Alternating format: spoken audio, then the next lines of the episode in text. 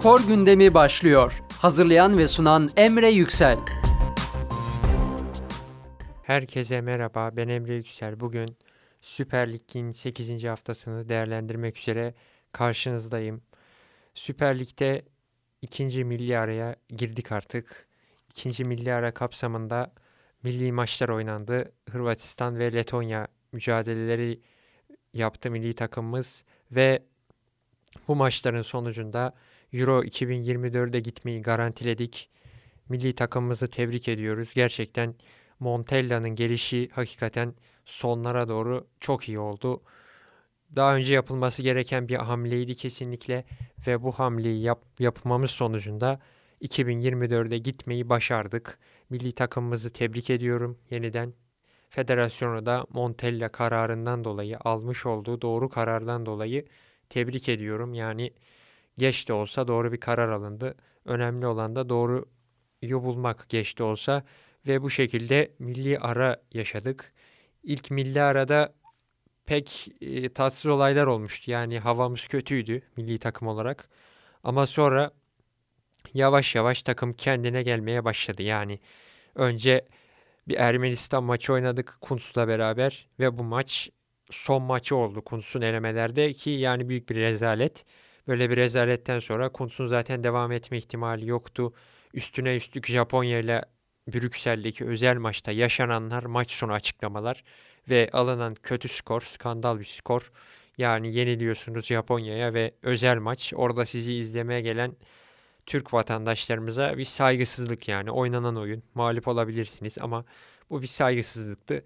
Ve bunun sonucunda oyuncuları da hedef göstermesiyle beraber artık Kuntz devam etmeyecekti ve Mehmet Büyükekşi Federasyon Başkanı da gerekeni yapacağız demişti ve Montella ile hemen anlaşma sağlandı. Bizi bilen yabancı bir hoca ile yola devam ettik ve Hırvatistan Letonya maçlarını 6 puanla atlattık. Kendimizi 2024'de atmış durumdayız. Grup liderliği de Kasım ayındaki milli arada netleşecek. Orada da avantajlıyız. Eğer bir puan bile alabilirsek deplasmanda Galler'den ki havamızı düşünürsek, şu anki formumuzu, durumumuzu düşünürsek bu imkansız değil. Bu hayal değil. Kazanma ihtimalimiz orada da yüksek diye düşünüyorum ben. Gerçekten iyi bir maç olacak yine. Peki Süper Lig'de ne oldu? Süper Lig'de 8 haftayı geride bıraktık. Özellikle Fenerbahçe ve Galatasaray çok kalite farkını arttırmış durumdalar. Yani kalite farkı çok fazla. İki takım acayip kadrolar kurdu. Yani çok güçlüler. Fenerbahçe'ye bakıyorsunuz. Simanski, Tadic, Dzeko, Rainkent kenarda durduğunu düşünüyoruz. Yani öyle bir rotasyon var ki Rainkent kenarda kalıyor. Cengiz Ünder sakatlandı mesela. O da da milli arada şimdi dönüyor. Yani orta saha transferi Fred nokta atışı kesinlikle nokta atışı.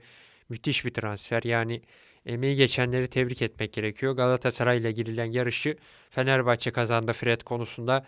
İsmail Yüksek hani 6 numara alınmadı Fenerbahçe'de ama İsmail Yüksek kendisine yapılan eleştirileri, kendisine burun bükenleri de hem milli takımda hem Fenerbahçe'de utandırdı. Yani şu anda iki takım arasında bir kopma başladı yavaş yavaş ama daha ligin başındayız. Bunu da söylemek istiyorum. Çok sayıda hoca değişikliği oldu. Yani bu kadar hoca değişikliği hiç iyi değil. Bir türlü istikrar sağlayamıyoruz senelerdir bu konuda. Neden böyle oluyor ben de bilmiyorum. Hani Başakşehir Emre Belezoğlu ile yollarını ayırdığı ilk 4 maç puan alamayınca. Sonra Çağdaş Atan geldi. Hala çok toparlanabilmiş değiller. Ankara gücü en son Tolunay Kafkas'ta yollarını ayırmıştı. Emre Belezoğlu geldi. Samsun Spor, Pendik Spor lige yeni çıkan takımlarda yollarını hocalarıyla ayırdılar. Yani Samsun Spor özellikle birazdan hepsine zaten değineceğiz. İşi çok zor olan takımlardan biri. Bir de iki dönem transfer yasağı konusu var ki o da çok sıkıntılı bir konu. Yani iki dönem yasak var FIFA'dan gelen kararla FIFA dosyalarından dolayı bu durum onları sıkıntıya sokacaktır. Evet hoca değişiklikleri dedik, milli takım dedik, kalite farkından bahsettik, makasın açıldığından bahsettik. Puan tahmini hakikaten çok yüksek olacak. Bunu birazdan yine değerlendiriyor olacağız. Önce 8. hafta milli ara öncesi hangi maçlar oynandı onlara bakalım. Adana Demirspor, Trabzonspor mücadelesi vardı. Aradan önceki cuma ve Alanya Spor Karagümrük. Biz Alanya Spor Karagümrük mücadelesiyle başlayalım. Alanya Spor Karagümrük mücadelesi alt sıralara yakın iki takımın mücadelesiyle Alanya Spor lige çok görkemli bir lige çok görkemli bir Başakşehir galibiyetiyle başladı aslında. Başakşehir galibiyetinden sonra Pendik, Hatay ve Rize olmak üzere bir beraberlik serisine girildi. Bir kısır döngüye girildi. 0-0-1-1. Ardından yine bir beraberlik. Kasımpaşa beraberliği. Sonra Fenerbahçe'ye bir mağlubiyet. Ve ondan sonra Adana deplasmanında yine mağlubiyet. Yani arka arkaya kötü sonuçlar geldi Alanya Spor'da. Sallantılı bir süreç başladı. 7 puandalardı bu maça çıkmadan önce. Karagümrük içinse yani artık çember daralmış vaziyette. Maalesef böyle bir takımın bu duruma gelmesi üzücü. Geçen yılki kadro kalitesiyle uzaktan yakından alakası yok maalesef Karagümrük'ün. Yani Pirlo hoca olarak çok büyük fark yaratmıştı bu kadroda. Pirlo'nun yarattığı farkla ve Cagne, Borini, Bertolacci bu oyuncular sayesinde Karagümrük üst sıraları zorlamıştı. Avrupa'yı elinden kaçırmıştı. Çok iyi bir takımdı. Yani aslında hala iyi bir takım ama gerçekten bu sezon bu kadar kalite düşüşü yaşamanın çok da bir açıklaması yok açıkçası. Gerçekten yazık yani. Bu kadar ruhsuz, bu kadar kötü, bu kadar ne yaptığı belirsiz bir takım olmaz. Ya yani bu şekilde ligden düşme ihtimalleri yüksek. Yani böyle bir oyun Alparslan Erdem teknik direktör olarak hala yola onunla devam ediliyor. Milli arada geçtiği bir hamle yapılmadı. Ama çok büyük bir hata. Yani kendisinin herhangi bir tecrübesi yok. Herhangi bir tecrübesi olmadığı gibi bunun yanında takıma da yeterince hükmedemediğini düşünüyorum. Ve takımda ağırlığı olmayan bir hocayla Karagümrük maalesef son sürat küme düşme hattına doğru gidiyor ki az da girecek yani. Milyarı olmasa belki de bu hafta maç oynansa küme düşme hattına gelecekti. Yani bu hafta maç oynansa küme düşme hattına gelebilirdi Karagümrük. O kadar kötü bir durum var ki şu anda. Yani 6 puanda altta Gaziantep, Başakşehir, Pendik, Samsun, İstanbul var. Yani tam o hatta, tam o hattın üstünde. Bir dahaki maç Adana Demirspor'la 9. haftada. Yine sonlara doğru değineceğiz. Yani Adana Demirspor maçında da ben puan alma ihtimalini zor görüyorum. Bu şekilde olmaz. Bu oyunla Karagümrük maalesef bu sezon sonunda veda edebilir. Yani ruh yok. Bakıyorsunuz Serdar Dursun Karagümrük tarihinde önemli bir isim. Yani özellikle alt liglerde taraftarın sevgilisi haline gelmişti. Attığı goller o sevinç, Ronaldo sevinci ve karakteristik olarak da gerçekten iyi bir futbolcu, iyi bir insan ama şu seviye için bence biraz yetersiz kalıyor. Sonra baktığınız zaman Beşiktaş'ta forma şansı bulamadığı için giden bir Güven Yalçın. Feguli Galatasaray'da son aylarda temposuzluktan oynayamıyordu bile ve böyle isimlerle yani baktığınız zaman İtalya'dan oyuncular geldi gene. İtalyan ekolü devam ediyor ama kötü bir oyun var. Yani bu oyun hiçbir yere götürmez açıkçası Karagümrük'ü bu şekilde gerçekten fazla da denecek bir şey yok. Maçla alakalı maçın 30. dakikasında öne geçti Alanya Spor. Nova işle güzel bir golle öne geçtiler ve bu dakikadan sonra Alanya Spor oyuna hükmetti. Ömer Erdoğan'ın takımı iç sahada Anadolu maçlarında bir şeyler yapma potansiyeline sahip bir takım. Ve bunu gösterdiler. Böyle maçları alabilirlerse sıkıntı yok. Yani içerideki maçları alıp kendilerini rahatlatacaklardır. İyi bir Anadolu takımı. Alanya Spor iyi bir takım. Büyüklere de zorluk çıkarabilir. Fenerbahçe maçında da kötü değillerdi. Galatasaray Beşiktaş'la oynayacaklar. Yani Ömer Erdoğan'ın takımı savunmaya dikkat ederse özellikle daha iyi şeyler olabilir. İkinci yarıda da maç temposu düşüktü. Alanya'da hala biraz Ekim başı itibariyle sıcak bir hava vardı. Bunun da etkisiyle düşük bir tempo vardı. Ve ortada hiçbir şey yokken işte Karagümrük'ten 4-5 dakikadır bahsetmeye çalıştığım şey Karagümrük'ten hiç beklenmedik bir hata. Hiç tahmin etmeyeceğiniz şeyler oldu bu sene. Yani bu da onlardan biri. İnanılmaz kötü bir gol. Kaleci Dituro, Karagümrük'ün belki de şu 8 haftada en iyi isim, en ayakta kalan enlerinden birisi. Ama topu havada yakalamasına rağmen elinden kaçırdı ve Oğuz Aydın, Alanya Spor'un kanat oyuncusu boş kaleye topu alarak gönderdi. 2-0 oldu. Sonra tabii Karagümrük oyundan düştü. Alanya'da iyice morallendi. Savunmayı güzel yaptı. Savunmayı güzel yaptıktan sonra da son dakikalarda güven attı ama ne yetti derseniz hiçbir şeye yetmedi. Karagümrük bütün maç oynamadığı futbolu sonra yüklenerek oynamaya çalıştı ama yetmedi ve maalesef sahadan birer puanla ayrıldılar. Sahadan 2-1 Alanya Spor galip ayrıldı. Alanya Spor'un galibiyetini tebrik ediyorum. Alanya Spor artık milli aradan sonra Trabzon deplasmanı var. Trabzon deplasmanından sonra atlattığı takdirde önüne daha rahat bakacaktır diye düşünüyorum. Karagümrük için artık tehlike çanları çalıyor. Çünkü 8 hafta nispeten kolay takımlara karşı 6 puanda kalıyorsanız siz şimdi Adana Demirspor, Trabzonspor gibi maçlar var. Bu maçlar çok zor geçecek. Bu maçları nasıl geçer Karagümrük? 0 puan yazma ihtimali yüksek. Yani bakıyoruz takımda golcü yok. Hani Kevin Lasagna var mesela İtalya Serie A'dan gelmiş ama çok yetersiz olduğunu düşünüyorum. Güven Yalçın ve Serdar Dursun'u zaten konuştuk. İki isim de son derece yetersizler bana göre. Süper Lig seviyesi için bile. Biraz çigeri geldi mesela savunma için. Ama bir kişi nereye kadar? Çetçerini var stoperde. Çok savruk bir oyuncu gibi duruyor. Yani tek tek aslında isim isim baktığımızda ne kadar Süper Lig için yetersiz bir kadro olduğunu görüyoruz. Stat problemi var. Bu stat problemi zaten bugünlere gelinmenin temel nedeni. Yani bu stat problemi olmasaydı Karagümrük Avrupa kupaları, bir ilk 5 hatta şampiyonluğa oynatacağının sözünü veren bir başkan var. Yani keşke böyle olmasaydı bu sezon. Avrupa hedefi vardı ama şu görüntüde küme düşme hattından bir türlü kurtulamayacak ya da üstünde olacak gibi duruyor. Aradan sonra bakalım pazartesi günü Adana Demirspor maçı var. Olimpiyat stadında yani bunu da konuşmak istiyorum. Olimpiyat stadı ruhsuz bir stat. Ruhtan uzak bir stat. Seyir zevki vermiyor. Bir de pazartesi günü Adana Demirspor maçı. Yani pazartesi günü herhalde yine 100-200 kişi çok Karagümrük'ün birbirine bağlı olan, takımına bağlı olan taraftarı dışına kimse gitmez herhalde. Adana Demirspor taraftarı da fazla gitmeyecektir. Böyle bir ortamda bu maçı oynatmamak gerekiyor diye düşünüyorum. Tabii olimpiyatta oynanacağı artık belli ama en azından diğer seçenekler belirlenmeli. Yani Adana Demirspor da çok iyi takım. Üçüncü sırada 17 puan. iki sezondur lige damga vuruyor. Böyle seyir zevki yüksek bir takımı böyle kötü bir statta kimse izlemek istemiyordur diye düşünüyorum. Ancak federasyon kararını vermiş gibi gözüküyor. Büyük ihtimalle maç olimpiyat stadında oynanacaktır. Ve bu maçı böyle tamamlayalım. Alanya Spor 10 puana yükseldi. Haftalar sonra 7 hafta sonra ilk hafta sonra ilk haftanın ardından birinci haftanın sonrasında Başakşehir maçından sonra yine bir istiha maçı Karagümrük maçıyla adeta nefes aldı. Beraberlik serisi biraz yormuştu takımı. Galibiyet istiyordu herkes ve galibiyet geldi neyse ki.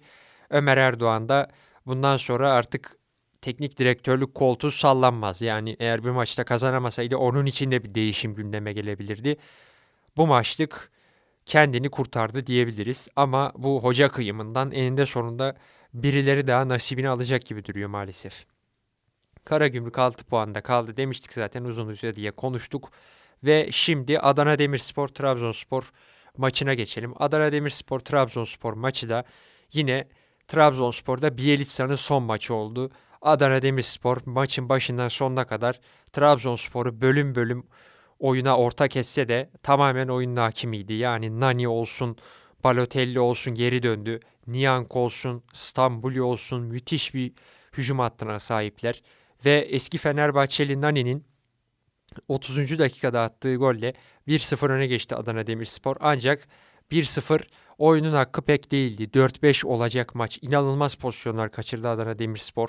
Kaleci Uğurcan'ın kurtardıkları, Balotelli'nin kaçırdığı, Yusuf Sarı'nın getirip ortaladığı ve kalecinin son anda kurtardığı toplar derken Adana Demirspor farkı kaçırdı diyebiliriz artık. Yani inanılmaz bir maç oynadı.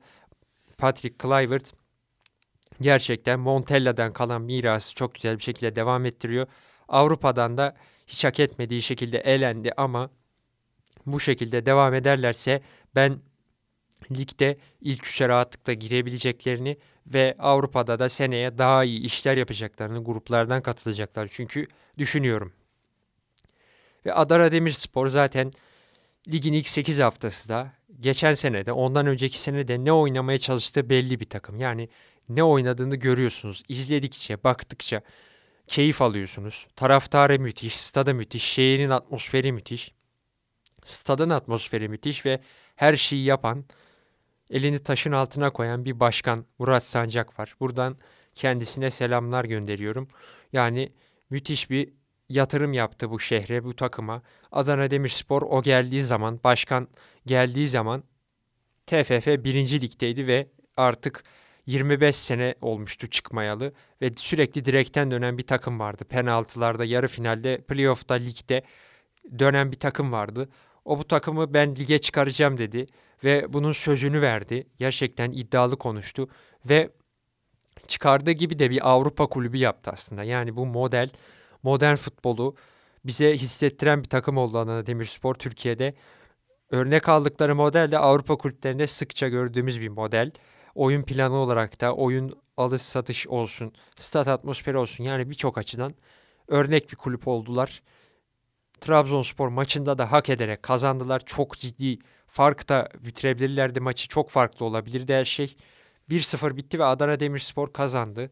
Beşiktaş'ın önünde üçüncülüğünü koruyor 17 puanla. Fenerbahçe Galatasaray biraz koptu ama onlar adına da yine belki orada bir takılma olursa yani Fenerbahçe Galatasaray bir, bir puan kaybederse bir kayıp yaşarsa ileride Adana Demirspor'da bu formülü sürdürdüğü takdirde o da ilk ikiye ortak olabilir. Yani bunu biz çok gördük.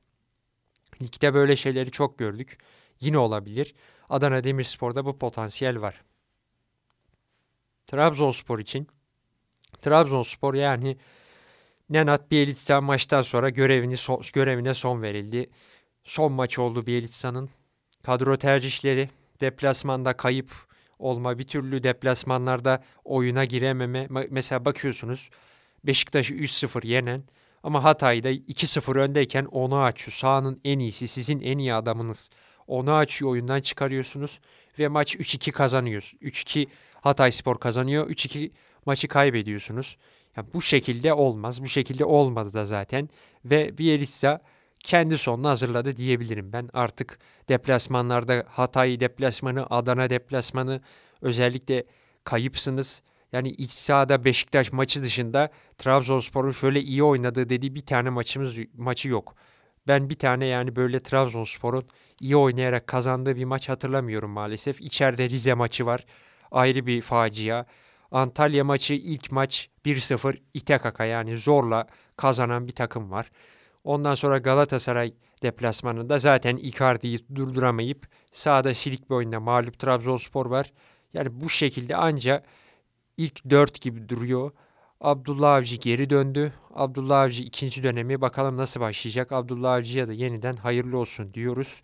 Alanya maçıyla pazartesi günü başlıyor. Yine 9. hafta olması da ayrı bir tesadüf oldu. Yine Alanya maçından sonra gelmişti ilk döneminde Abdullah Avcı ve şimdi de Alanya maçına geldi. Yine 9. hafta.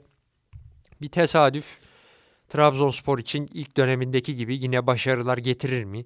Yoksa çok tartışmalı bir ücreti var Abdullah Avcı'nın. Yani 40 milyon TL'den bahsediliyor. Bu ücret tartışılacaktır.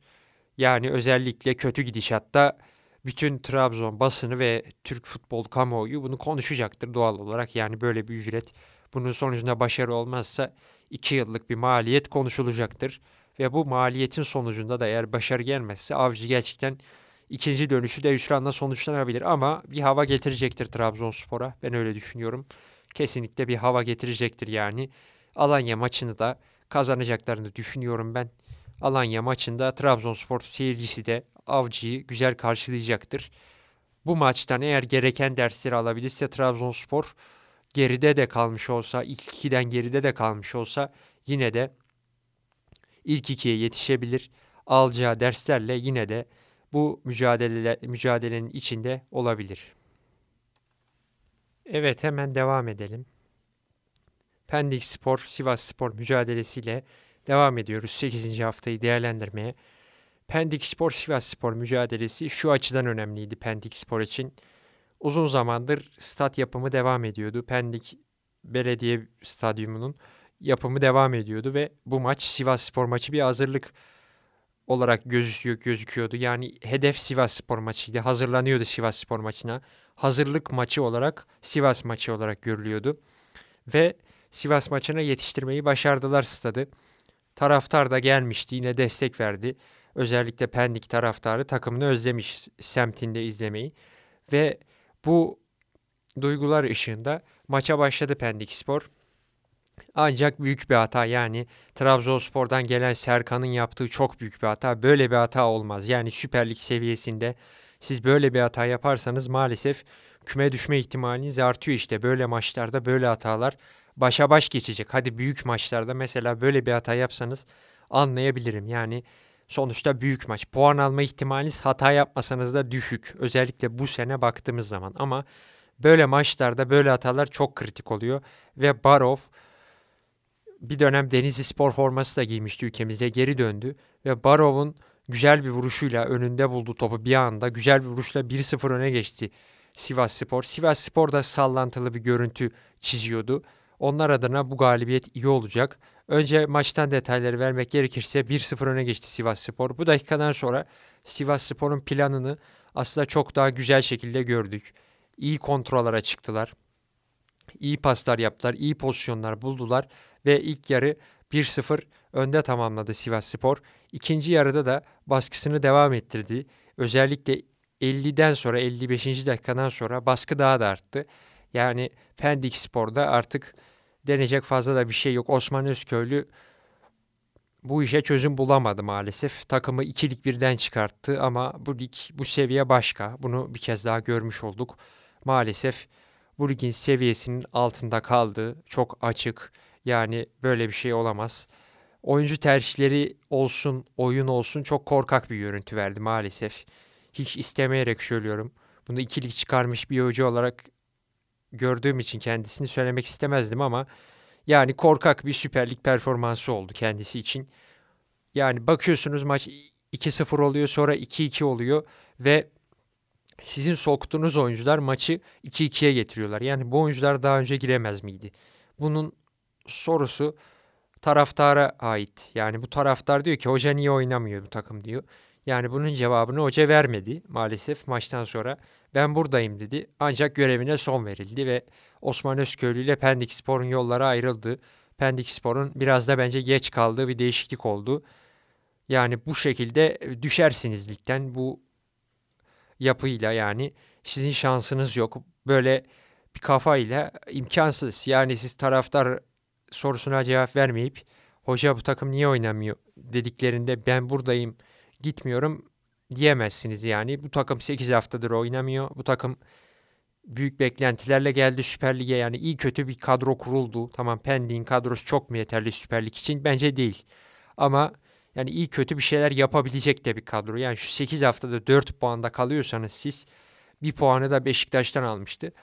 Yani Beşiktaş için de yani bu takıma puan vermek mesela çok büyük bir eksi. Yani bunu söylemek istiyorum. Böyle bir takıma puan vermek ele Dolmabahçe'de çok kötü oldu. Yani sizin bunun açıklamasını yapmanız gerekiyor. Bu takımın niye oynamadığının açıklamasını yapmanız gerekiyordu. Ancak klasik ben buradayım ve işte gitmiyorum. Teknik direktörlerden bu lafları maalesef çok duyuyoruz. Ama maalesef iş icraate geldiği zaman yani bir şey göremiyoruz. Çünkü bu takımın 4 puanda olmaması gerekiyor. Sizin bu kadar iddialı laflar söylemeniz gerektiği zaman bunu kanıtlamanız gerekiyor. Yani takımın kötü bir oyunu var. Umut vermeyen bir takım var. Düşmenin adaylarından biri olarak gösterilen bir takım var. Ve bu sizin eseriniz. Yani bu takımı siz hazırladınız. Siz bu takımı onayladınız, istediniz. Onun için de bunun cevabını vermesi gerekiyordu. Ancak maalesef kendisi bu soruların cevabını vermeden gitti. Belki bir gün bir basın toplantısı bir şeyle verir. Maça geçecek olursak yine 2-0 oldu. Sivas Spor güzel bir golle 2-0 yaptı. Ardından benim Osman Özköylü'yü işte burada eleştirmek istiyorum. Yani Erencan ve Gökcan oyuna girdiler. Ve ikisi de gol attı. Yani Erencan'ın çok güzel bir aşırtma golüyle maç 2-1 oldu. Ondan sonra Gökcan'ın vuruşu mükemmel. Yani harika bir gol. Bütün stat ayağa kalktı. 2-2 oldu.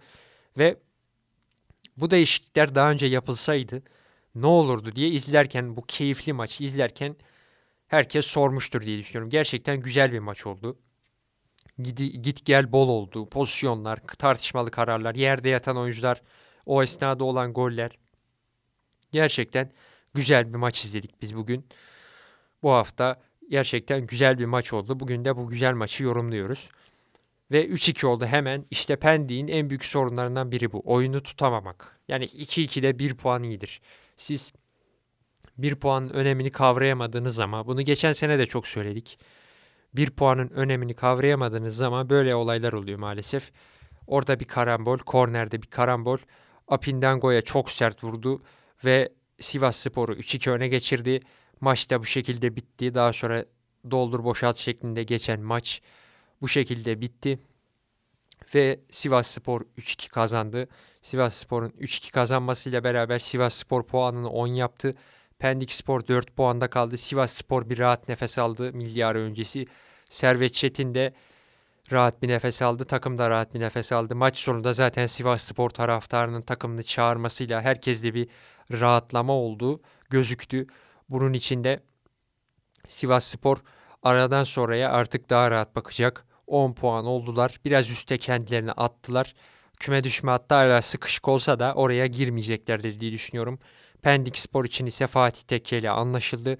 Kendisine hayırlı olsun diyoruz. Umarım hoca niye oynamıyor dendiği zaman sorularını en azından cevap verebilecek bir futbol ortaya koyar kendisi. Osman Özköylü maalesef iyi de oynattığı maçlar oldu ama bu son maç artık sanıyorum Pendik taraftarının da yönetiminde sabrını taşıran maç oldu. Kendisiyle yollar ayrıldı. Bundan sonraki kariyerinde de kendisine başarılar diliyoruz.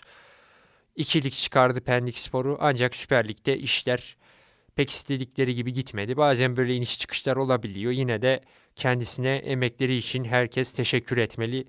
Pendik Spor camiasında diye düşünüyorum. Bu takım toparlanır mı? Valla bu takımın işi zor gözüküyor. Yani Karagümrük için söylediklerimizi de söyleyebiliriz. 4 puandalar, küme düşme hattındalar. Zor bir süreç olacak onlar adına. Umarım buradan kurtulabilirler. Ve cumartesi 16 Ankara Gücü Kayseri Spor mücadelesiyle devam ediyoruz. Ankara Gücü'nde de bir hoca değişikliği yaşandı. Tolunay Kafkas'la 7 haftada sadece bir galibiyet alınması sonucunda devam edilmedi. Kendisine güzel bir veda yapıldı ama bu benim için önemliydi. Yani kendisi son derece medeni şekilde Ankara Gücü camiasına veda etti. Emre Belezoğlu geldi. Çok da boşta kalmadan hemen bir takımla anlaştı. Başakşehir'den bir ay önce ayrılmıştı ve Ankara gücüne geldi. Kendisi ilk maçında çok güzel bir futbol oynattı. Yani Kayseri Spor karşısında oldukça etkili, ısıran, basan, iştahlı bir Ankara gücü vardı. Çok istekliydi Ankara gücü. Riyad Bayiç olsun, Tasos olsun, kanat oyuncusu, stoperler Mujakic olsun, Radakovic olsun hepsi çok istekliydi. Gerçekten Ankara gücü taraftarı önünde Kayseri Spor'u bunattı baya ve 3-0 gibi net bir skorla sahadan ayrıldılar. 3-0'ın yanında harika bir oyun, pozisyonlar daha fazla olabilirdi maç. Bunun yanında Emre Belezoğlu taraftar sahiplendi. Hemen Emre Belezoğlu da taraftarı sahiplendi. Güzel bir atmosfer oluştu milyar öncesi Ankara gücünde. Önemli olan buydu ve bundan sonra da artık Ankara gücü için çıkış başlayacaktır diye düşünüyorum. Bakalım İstanbulspor maçı ne olacak? Tabii ilk yarı bu şekilde geçti. Yani ilk yarı güzel iştahlı bir oyun vardı Ankara gücü adına ama ilk yarıda gol bulamadılar. Gol bulamadıkları gibi ikinci yarı ya da çok baskılı başladılar. İkinci yarıda gerçekten iyi bir Ankara gücü vardı ve Geri Rodriguez bir dönem ülkemizde Galatasaray ve Fenerbahçe formaları giymiş, şampiyonluk yaşamış. Bu sezon Ankara gücü adına önemli bir transfer olan Geri Rodriguez Ankara gücünü 1-0 öne geçirdi ve buradan sonra maç açıldı. Zaten sonra 2 dakika sonra gelen Riyad Bayiç golüyle beraber Kayseri Spor oyundan düştü. Ankara gücü adına nefes aldıran bir galibiyet oldu ve son dakikalarda da Makeda kanat oyuncusunun attığı golle Ankara gücü 3-0 kazandı ve puanını 9 yaparak üst sıralara doğru adım attı ve bundan sonra devamı gelecektir artık. Emre Belezoğlu oldukça motive gördüm ben. Kendisi çok motive gelmiş Ankara gücüne. Bir ay sanıyorum dinlenmiş ve bu ona yaramış. Oyuncular çok iyiydi. Rodriguez, Bayiç, Makeda Hücum hattı çok iyi Ankara gücünün daha üst sıralarda olması gerekiyordu. Daha fazla puan alması gerekiyordu ama bundan sonra artık çıkış başlayacaktır diye düşünüyorum ben. Ve bundan sonra da İstanbulspor maçı var. Pazar günü İstanbulspor maçı var. Zor bir maç olacak. O kesin İstanbulspor 2 puanda zor bir durumda. Gerçekten zor bir durumda. Bakalım neler olacak o maçta da. Ankara gücünü tebrik ediyoruz. Kayseri Spor adına bir hoca değişimi yaşayan bir başka takım. Çağdaş Atan transfer yasağı nedeniyle bıraktı. Recep Uçar geldi. Ümraniye Spor'dan kendisini tanıyoruz. İlk maçını Gaziantep karşısında kazanmayı başardı. Ancak sonra bir düşüş yaşandı Kayseri Spor'da. Beşiktaş ve Ankara gücü deplasmanlarında yaşanan mağlubiyetler ve bu maç Ankara gücü maçı iyi irdelenmesi gereken, iyi detayının analizinin detaylandırılması gereken, incelenmesi gereken bir maç oldu. Umarım bu arada kendileri analizlerini yaparlar. Rize maçı var cumartesi günü. Hepsine birazdan değineceğiz. Ve burada artık top hocaya düşüyor. Yeni geldi. İlk defa bir ara fırsatı buldu. Kendisi geldiğinde çünkü milli ara bitmişti.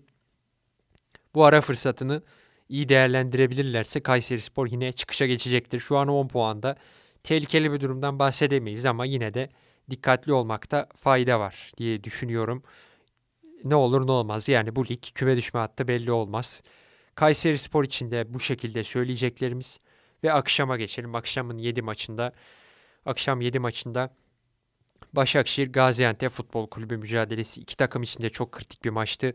Başakşehir Gaziantep karşılaşması gerçekten Çağdaş Atan ve Sumudika iki yeni hoca yine bayağı hoca değiştiği için hakikaten bazen anlatırken yoruluyoruz. Çağdaş Atan da yeni geldi, Sumudika da. İki hoca için de çok kritik maçtı. Başakşehir sezona çok kötü başladı. Eski havası yok. Bunu net bir şekilde söyleyebilirim. Ama bu maç bir canlanma adına milli ara öncesi kendileri için çok iyi oldu. Ve hemen maçın başında golleri buldular. Deniz Başakşehir'i 1-0 öne geçirdi ve ardından Figueiredo Gaziantep'ten eski takımına karşı attı. 2-0 kazandı Başakşehir. Maxim penaltı kaçırdı Gaziantep'te. Gaziantep'teki olumlu hava biraz bu maç terse döndü.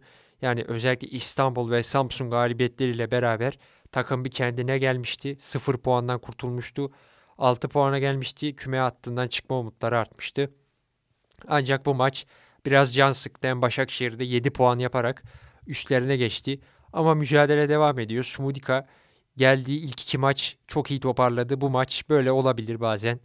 Başakşehir de bu maça asıldı. Çünkü Başakşehir'in de esas gücü gerçek Başakşehir bu değil. Onun için de Başakşehir'i tebrik ediyoruz. Çağdaş Hoca'yı tebrik ediyoruz. Kendisi arada bu takımı toparlayacaktır ve Samsun deplasmanı var pazar günü. Orada da kazanmaya yakınlar. Bakalım neler olacak. Başakşehir toparlanabilecek düzeyde. Başakşehir bu değil. Yani Başakşehir de bu sezon çok güç kaybetti. Kalite farkının en önemli etkilerinden biri belki de Başakşehir'in güç kaybetmesi oldu. Ve Antalya Spor Galatasaray maçına geçelim. Galatasaray Şampiyonlar Ligi lig derken yoğun bir periyodun içinde Şampiyonlar Ligi'nde Manchester United tarihi bir maç sonunda 3-2 hakikaten çok heyecanlı bir maç oldu. Icardi olsun, Mertens olsun bütün takımı tebrik ediyorum. Okan Hoca'yı tebrik ediyorum. Yaptığı hamleler çok doğruydu. Maçı çevirmeyi başardı. Bir dönem hatalar olsa da gerçekten maçı çevirmeyi başardı. Zaha olsun, yeni transferler, Ziyech hepsi çok iyi oynadılar. Tebrik ediyorum Şampiyonlar Ligi'ndeki bu zaferden dolayı. Şimdi Bayern Münih maçında umuyorum yine tekrarını görürüz. Ve Antalya Spor maçına gelecek olursak tabi bu Manchester United tarihi Manchester United zaferinden sonra Antalya maçı biraz oynamak hem oyuncu için hem taraftar için zor. Bunu doğal karşılıyorum. Yani Manchester United deplasmanında müthiş bir oyun, müthiş bir zafer. Tarihi bir zafer, harika bir maç. Ama sonra Antalya deplasmanında biraz da ters bir deplasman Galatasaray için ve ligin zor deplasmanlarından biri. Antalya'da 9 puanda yani o da daha tam aşağılardan kurtulabilmiş değil. Bu düşüncelerle maça çıktık. Galatasaray tabi bu düşüncelerle maça çıktık izleyiciler olarak. Galatasaray için de zor bir maç olacağı tahmin ediliyordu. Dönüşler hep zor olabiliyor Şampiyonlar Ligi için. Ve bunun içinde zor bir maç olacaktı. Galatasaray ilk yarıyı biraz çöpe attı. Yani özellikle Barış Alper tercihi kötü oldu. Barış Alper'in tercih edilmesi bana göre yanlıştı. Ama Okan Hoca hemen hatasının farkına vardı. İkinci yarı tetiği oyuna sokunca Galatasaray görmeye alıştığımız Galatasaray'ı görmeye başladık. Ve hemen baskıyı arttıran Galatasaray 58. dakikada Icardi'nin kornerden asistinde yeni transferi Davinson Sanchez yine müthiş bir oyun ortaya koydu. Davinson Sanchez'in golüyle 1-0 öne geçti. Bu dakikadan sonra Galatasaray yine oyundan düştü. Ama skoru tutmayı başardılar.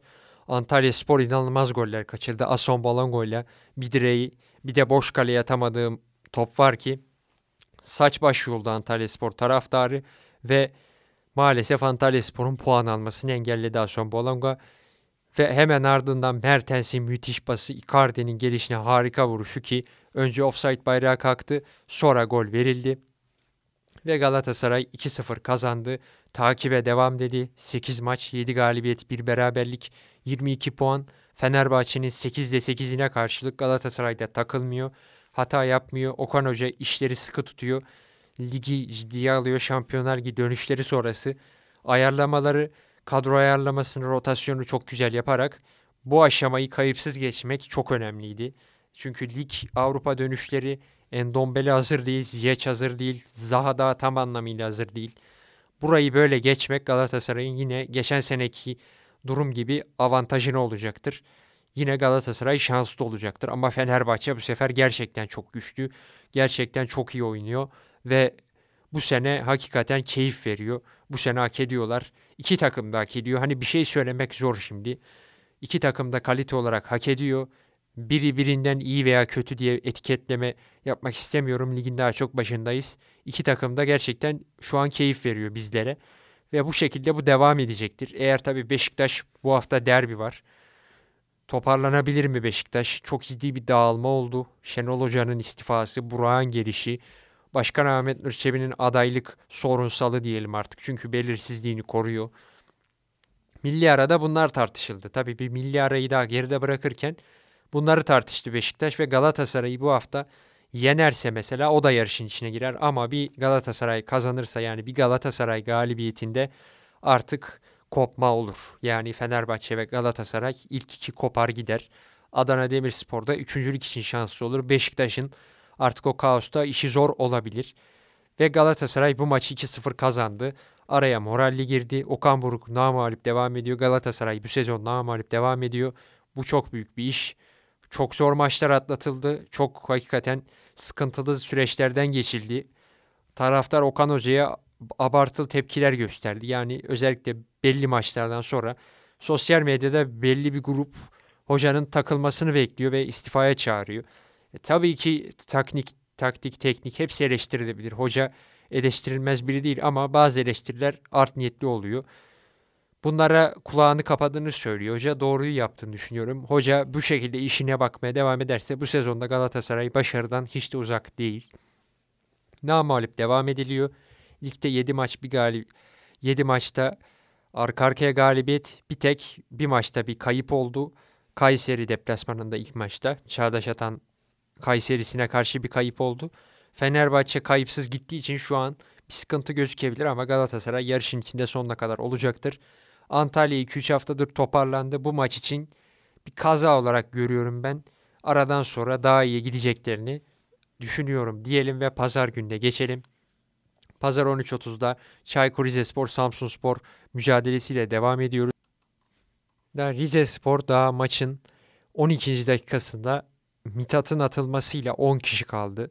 Ve Rizespor 10 kişi kaldıktan sonra yani Müthiş bir savunma yaptı. Her şeyi doğru yaptılar. İlhan Palut'un Rize Spor'unu da tebrik ediyorum. İlhan Palut gerçekten benim beğendiğim hocalardan birisi. İleride bir büyük takımın başında kendisini görmek istiyorum. Yani oyun planı olsun, oynattığı oyun olsun artık kendini kesinlikle kanıtladığını düşünüyorum. Böyle bir hoca büyük takıma yakışır. Beşiktaş, Fenerbahçe, Galatasaray kim olursa Beşiktaş ihtimali kuvvetli. Özellikle Şenol Güneş'in istifası sonrası tabii şu an ismi geçmiyor. Rize Spor'un başında da olduğu için bu sezon için zor. Ama 4-5 sene sonra bu olabilir yani niye olmasın. Gerçekten İlhan Hoca iyi bir hoca. Kendini Göztepe'de, Hatay'da, Konya'da çokça ispatladı.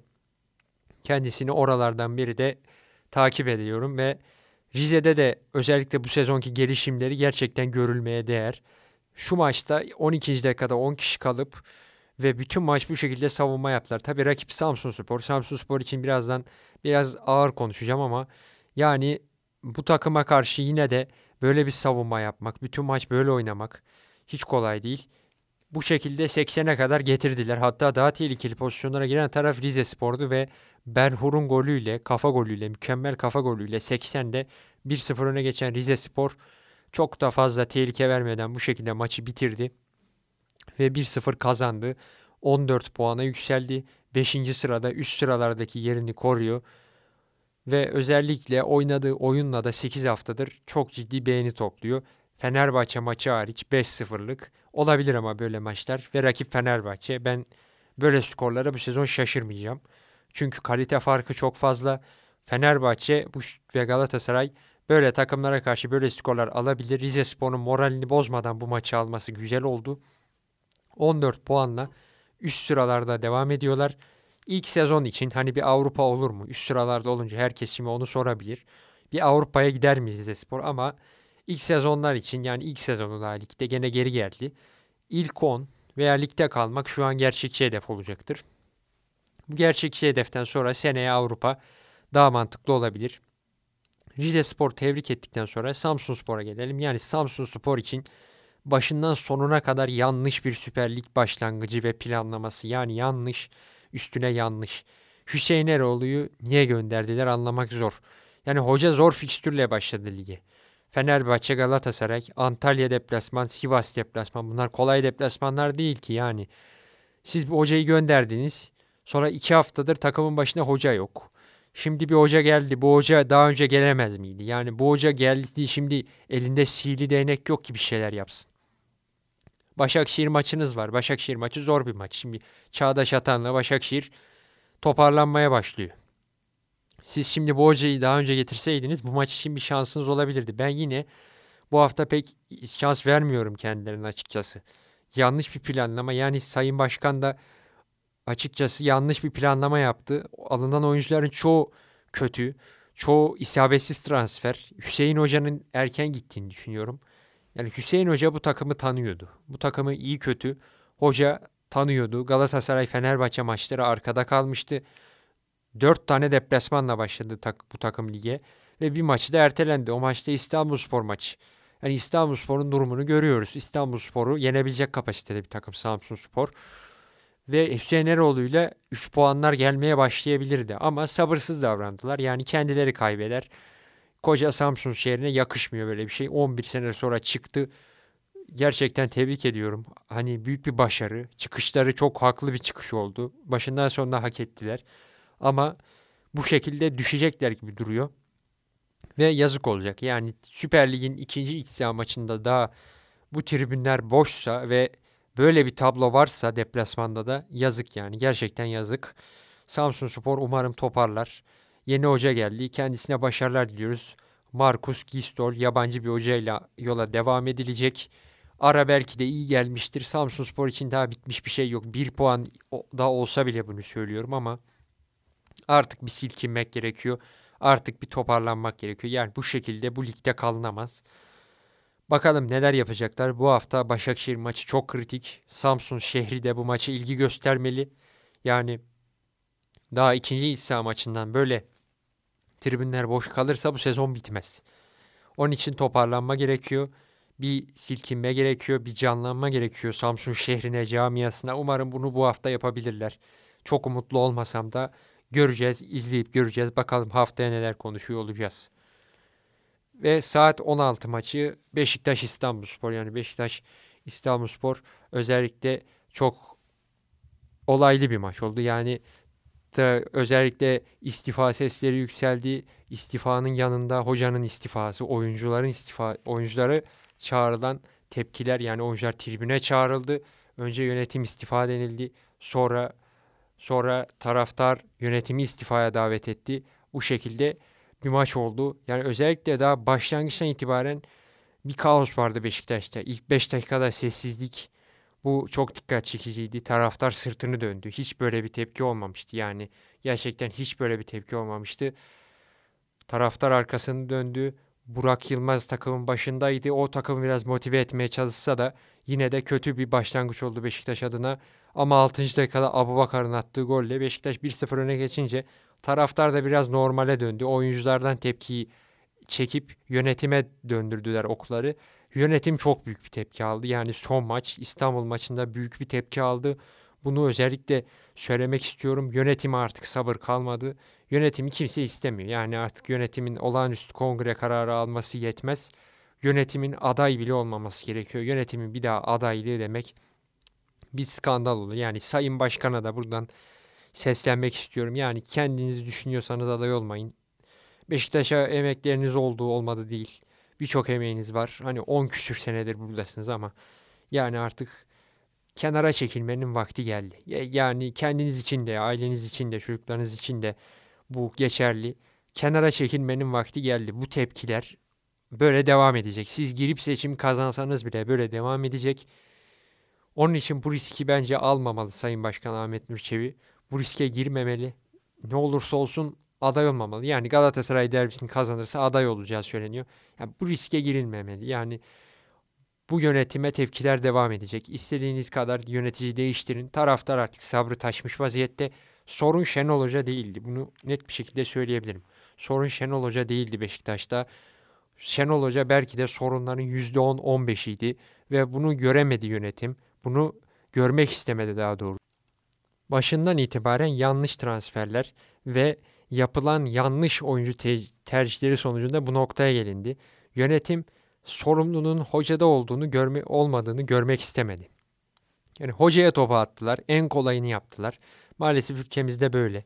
Şenol Hoca'nın hataları yok mu var? Keşke bu transferlere hoca onay vermeseydi. Yani böyle olmasaydı. Hocanın bu transferlere onay vermemesi gerekiyordu. Kendisi de maalesef çoğu şeyi onayladı.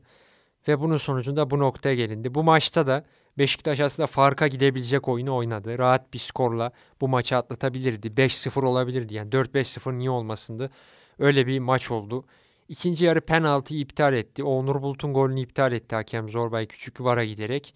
Ve en sonunda İstanbul'un da ataklarında Ersin başarılı oldu ve sonunda penaltıyı hükmetti hakem. Net bir müdahaleyle Cenk'e atılan orada ceza sahası içinde yapılmaması gereken bir müdahale sonucunda stoperin büyük hatası ve Gezal yavaş yavaş dönen Gezal'ın müthiş golü penaltı golüyle Beşiktaş farkı ikiye çıkardı ve maçı kazanmayı başardı.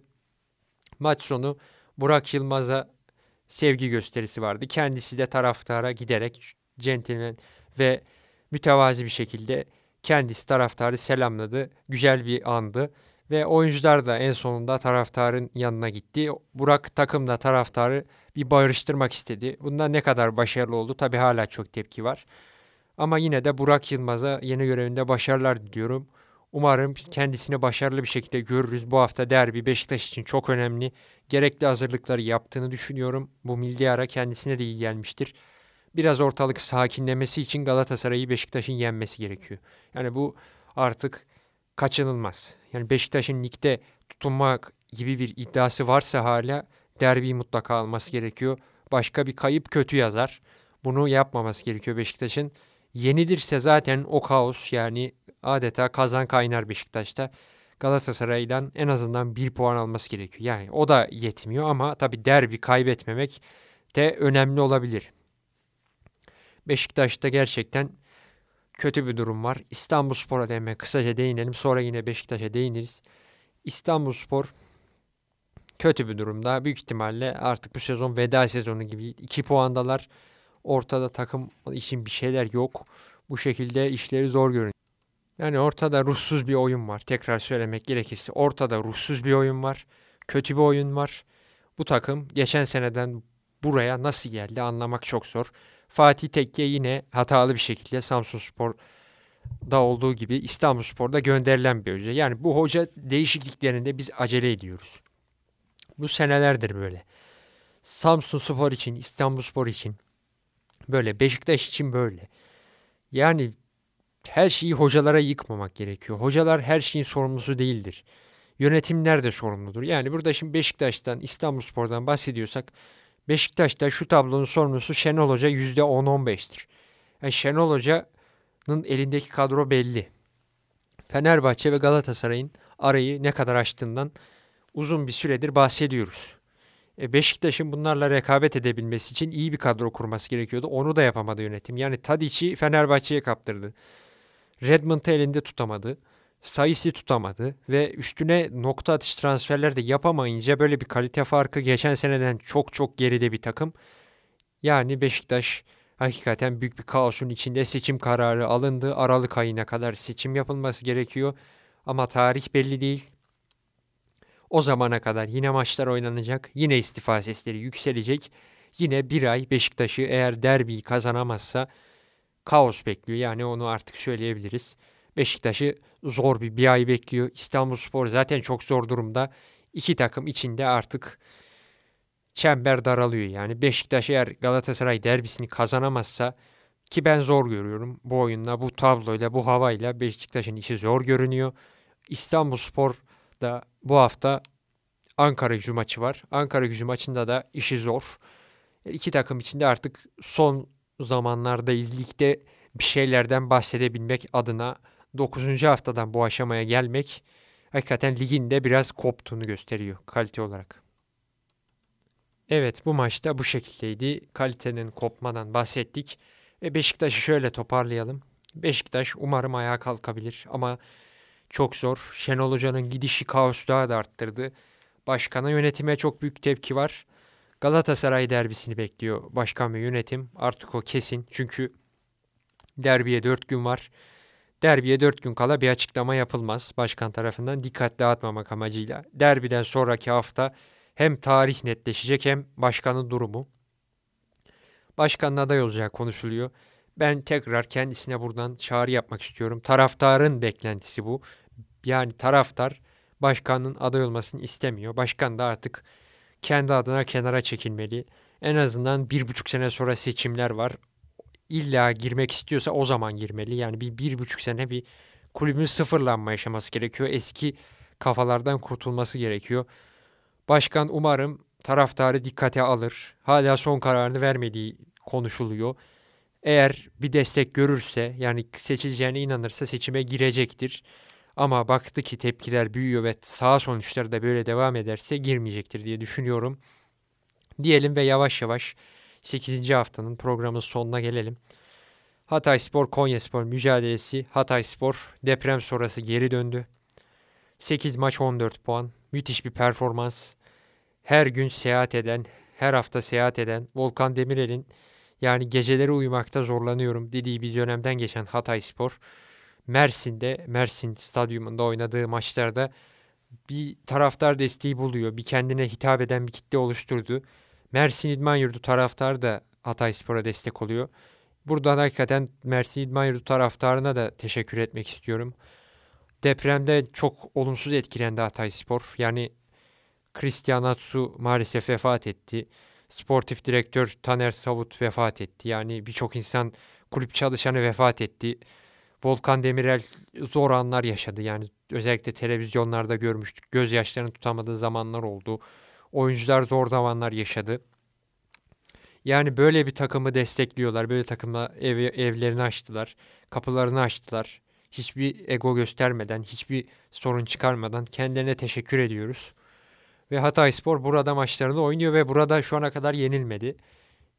Bir galibiyet, üç beraberliği var. İçeride toplamda da 3 galibiyet, 5 beraberlik. Hakikaten güzel bir gidişatı var Hatay Spor'un. Konya Spor'u da 3-1 mağlup ettiler. Toparlamak gerekirse ve 14 puanla devam ediyorlar. Üst sıralardalar. Aynı performansı sürdüreceklerini düşünüyorum. Dadaşov golcüleri bu sezon lige çok damga vuracak gibi duruyor. Konya Spor'da ise 2-3 haftadır çok kötü bir futbol ve böyle bir maç kaybı. Yani Stanovic'in oyuna müdahaleleri çok kötü. Oyunu kenardan izlemesi yani çok pasif kaldı. Bu maç bu hale geleceği belliydi ancak Stanojevic yetersiz bir görüntü çizdi. Görevine devam edeceği konuşuluyor ancak taraftar memnun değil Konya Spor taraftarı. Yani böyle bir mağlubiyet olamaz. Hakikaten Stanojevic'i burada eleştirmek istiyorum. Yenilirsiniz ama böyle kötü bir oyuncu değişiklikleriyle maçı verirseniz siz çok tartışılırsınız. Kendisi sınıfta kaldı bu maç ve Konya 10 puanda kaldı. Konya'nın pek iyi bir durumda olduğunu söyleyemeyeceğim 2-3 haftadır. Mağlubiyet serisi aldı başını gidiyor. Toparlanmaları gerekiyor. 4 haftadır galibiyet yok. Eğer bu gidişat devam ederse ya hoca gider ya yönetim yani. Bir, biri gider. Bu, şekilde devam edemez. Bu şekilde devam ederse çünkü Konya Spor 2-3 hafta sonra sıkıntı yaşar. Ve son maç Kasımpaşa Fenerbahçe maçı da Fenerbahçe'yi de biraz yorumlayalım ve sonra 9. haftayı da değerlendirip kapatalım. Fenerbahçe hakikaten gümbür gümbür geliyor. Bu maçta Kasımpaşa maçını da kaliteli ayaklarla o kadar çabuk çözdüler ki ikinci yarı maç rolantide geçti. İsmail Kartal'ı da tebrik ediyorum. Okan Hoca'ya ne dediyse kendisine de diyelim. İsmail Kartal geldiğinde herkesin şüpheleri vardı tabii. Hoca 2015'ten 2018'den ne kadar ders aldı? Fenerbahçe'nin şampiyonluk kaybettiği yıllardan ne kadar ders aldı? Herkesin soru işaretleri vardı doğal olarak. Ama hoca çok ders alıp gelmiş, kendini geliştirmiş, takıma hakimiyeti artmış. Özellikle kaliteli yıldız futbolcuları yönetmeyi öğrenmiş. Takımı yönetmeyi öğrenmiş, Samandıra'nın yönetimini öğrenmiş ve bu şekilde 8'de 8'de lige başlayan bir Fenerbahçe, gümbür gümbür gelen bir Fenerbahçe, Simanski, Tadic, yani kimi söylesem bilmiyorum. Hakikaten kötü bir isim yok. Bütün herkes çok iyi. Birini öne çıkarsak diğerine haksızlık yapar mıyız? Hani öyle bir durumdayız şu an Fenerbahçe konuşurken. Bütün isimleri iyi. Hani Bekao, Ciku, stoperler. Livakovic kalesini gole kapatıyor. Ferdi olsun, Osayi Samuel. İsmail Yüksek, Fred. Yani kötü bir isim yok. Bunun içinde Fenerbahçe'yi genel olarak tebrik edelim. Fenerbahçe çok iyi oynuyor. Fenerbahçe'nin bu şekilde devam etmesi şampiyonluğu getirecek.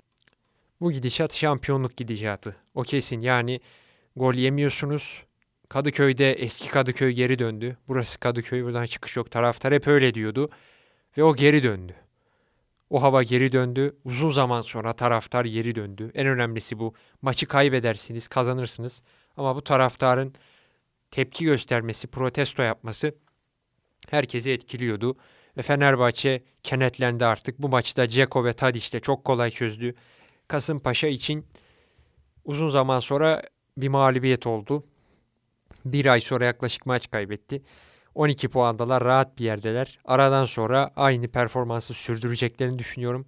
Fenerbahçe için zaten diyeceğimizi dedik. Yani şampiyonluk yolu açık. Sonuna kadar gidecek bu şekilde. Fenerbahçe Galatasaray ilk ikide bir kopma olmadan gidecektir. Ama bu hafta derbide bir Beşiktaş sürprizinde ben Fenerbahçe'nin avantajlı olacağını ve şampiyonluğa yaklaşacağını düşünüyorum. Hani erken diyebilirsiniz ama bu sezon çok puan kaybı olmayacak. Yani özellikle Süper Lig'in, Trendyol Süper Lig'in kalitesi biraz düştü bu sezon. Anadolu takımları zayıf ve bu şekilde çok puan kaybı yaşamayacaktır hem Fenerbahçe hem Galatasaray. Beşiktaş, Adana Demirspor maçlarının şampiyonu belirleyeceğini düşünüyorum. Yani şimdiden bir puan hesabı yapmanın gerekliliğinden bahsediyorum. 90 puanı Fenerbahçe ve Galatasaray bence görecektir. Beşiktaş bile yani şu zor durumda 80 puanı görebilir. Bunu tartışmamız gerekiyor artık. Galatasaray'ın ilk hafta kaybettiği Kayseri kaybını arayacağını düşünüyorum mesela. Yani o hala o puan kaybı telafi edilmiş değil. Bunu dile getirmeye çalışıyorum. 7 maç üst üste kazansa da hala 2 puan geride. Mesela şimdi bu hafta derbi Beşiktaş. Yani derbinin favorisi Galatasaray olabilir. Ama derbilerinde böyle bir huyu vardır. Derbileri her zaman favoriler kazanamaz. Derbileri her zaman favoriler kazanamaz. Bunun için de Beşiktaş bir sürpriz yapabilir. Galatasaray Rams Park avantajıyla çok ağır basıyor kadro kalitesiyle, hoca farkıyla vesaire ama bir sürpriz de olabilir. Diyelim ve milli aradan önceki 8. haftayı böyle toparlayalım. 9. haftaya Trendyol Süper Lig 9. haftasındaki maçlara geçelim.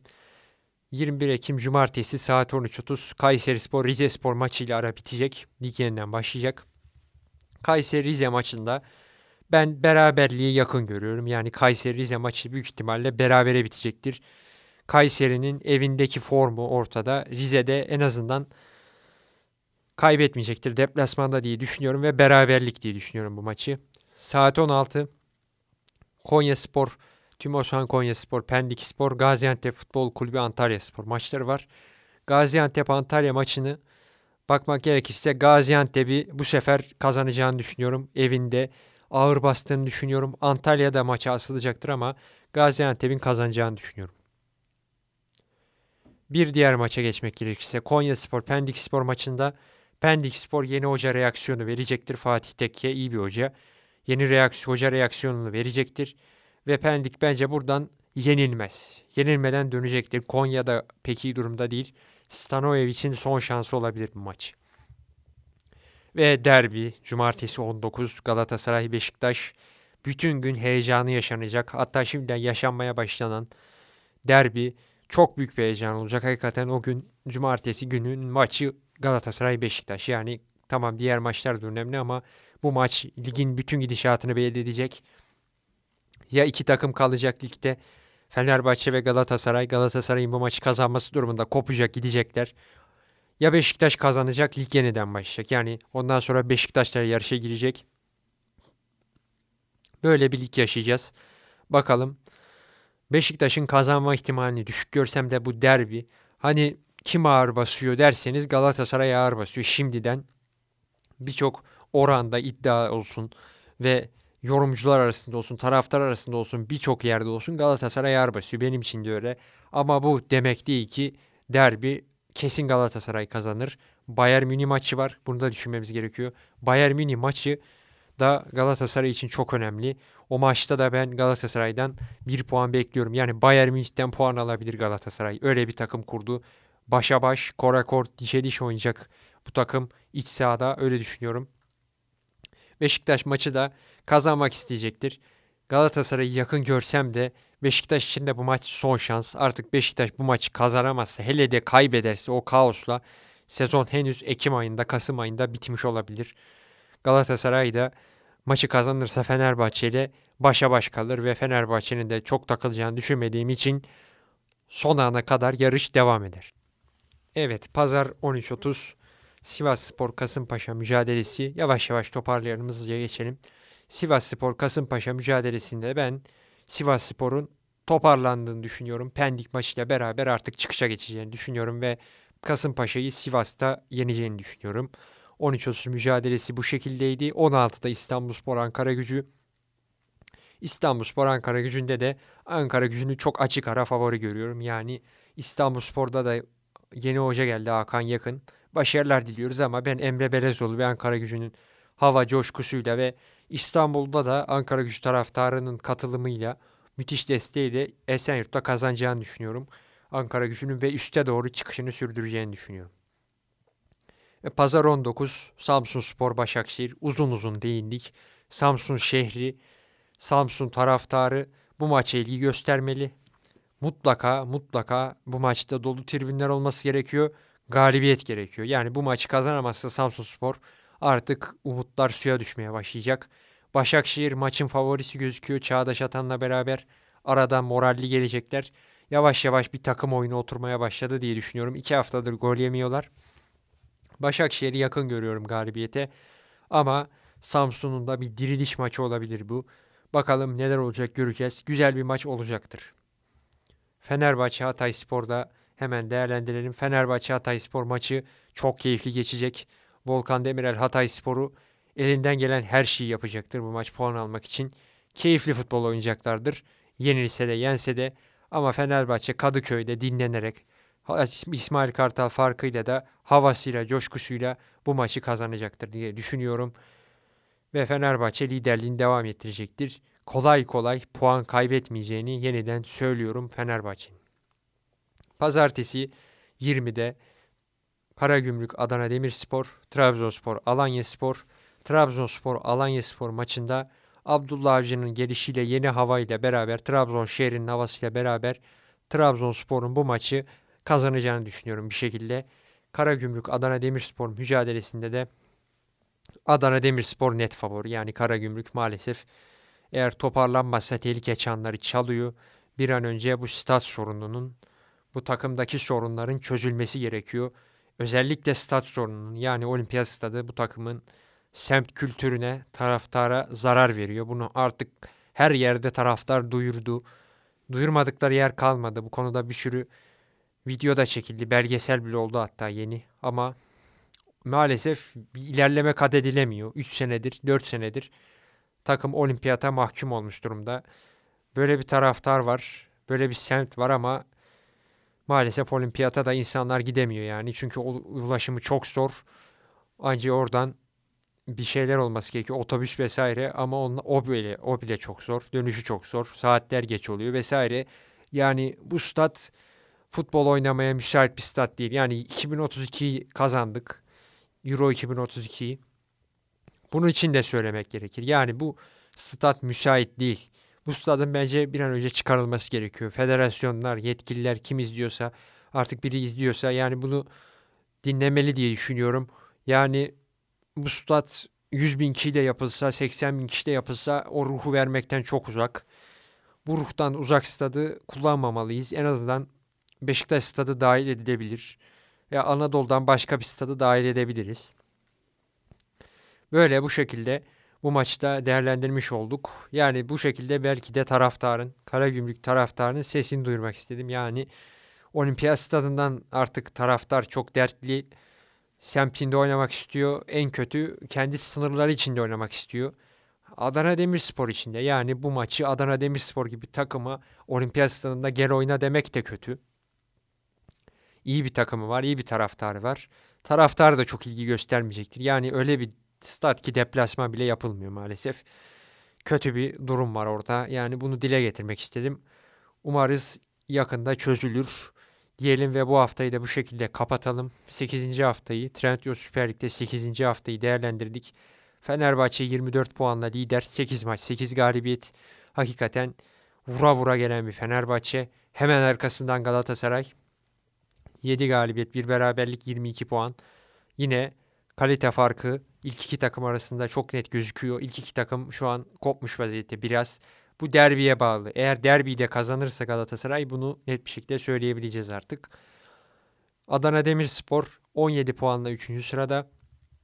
Beşiktaş 16 puanla 4. sırada. 8 puan fa geride yani geride kaldı. Çok geride kaldı. Hoca gitti. Yönetim kongre kararı aldı. Burak'la aralığa kadar devam edilecek. Ama derbi artık her şeyi belirleyecek Beşiktaş'ta. Beşiktaş'ın elinde bir şans var. Beşiktaş eğer bu derbiyi kazanmayı başarırsa kara bulutlar dağılır ve sezon sonuna kadar yarışta olur. Ama kaybederse o kaosu düşünmek bile istemiyorum açıkçası. 14'er puanlı Rize Spor, Hatay Spor arka sıralanıyorlar. Ve iki takım da tebrik etmek istiyorum. İlhan Hoca'yı, Volkan Hoca'yı tebrik ediyorum. Konya Kayseri 10 puan. Ankara gücü 9 puan. Bu şekilde Antalya 9 puan. Gaziantep 6 puan. Karagümrük 6 puan. Tehlike çanlarının çaldığı takımlar Gaziantep ve Karagümrük bir an önce toparlanmalı. Başakşehir 7 puan yine bir an önce toparlanmalı.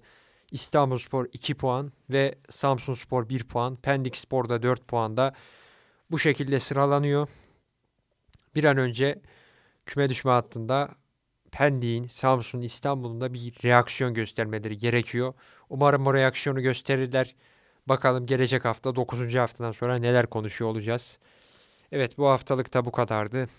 Teatro Süper Lig'de 8. haftayı değerlendirdik.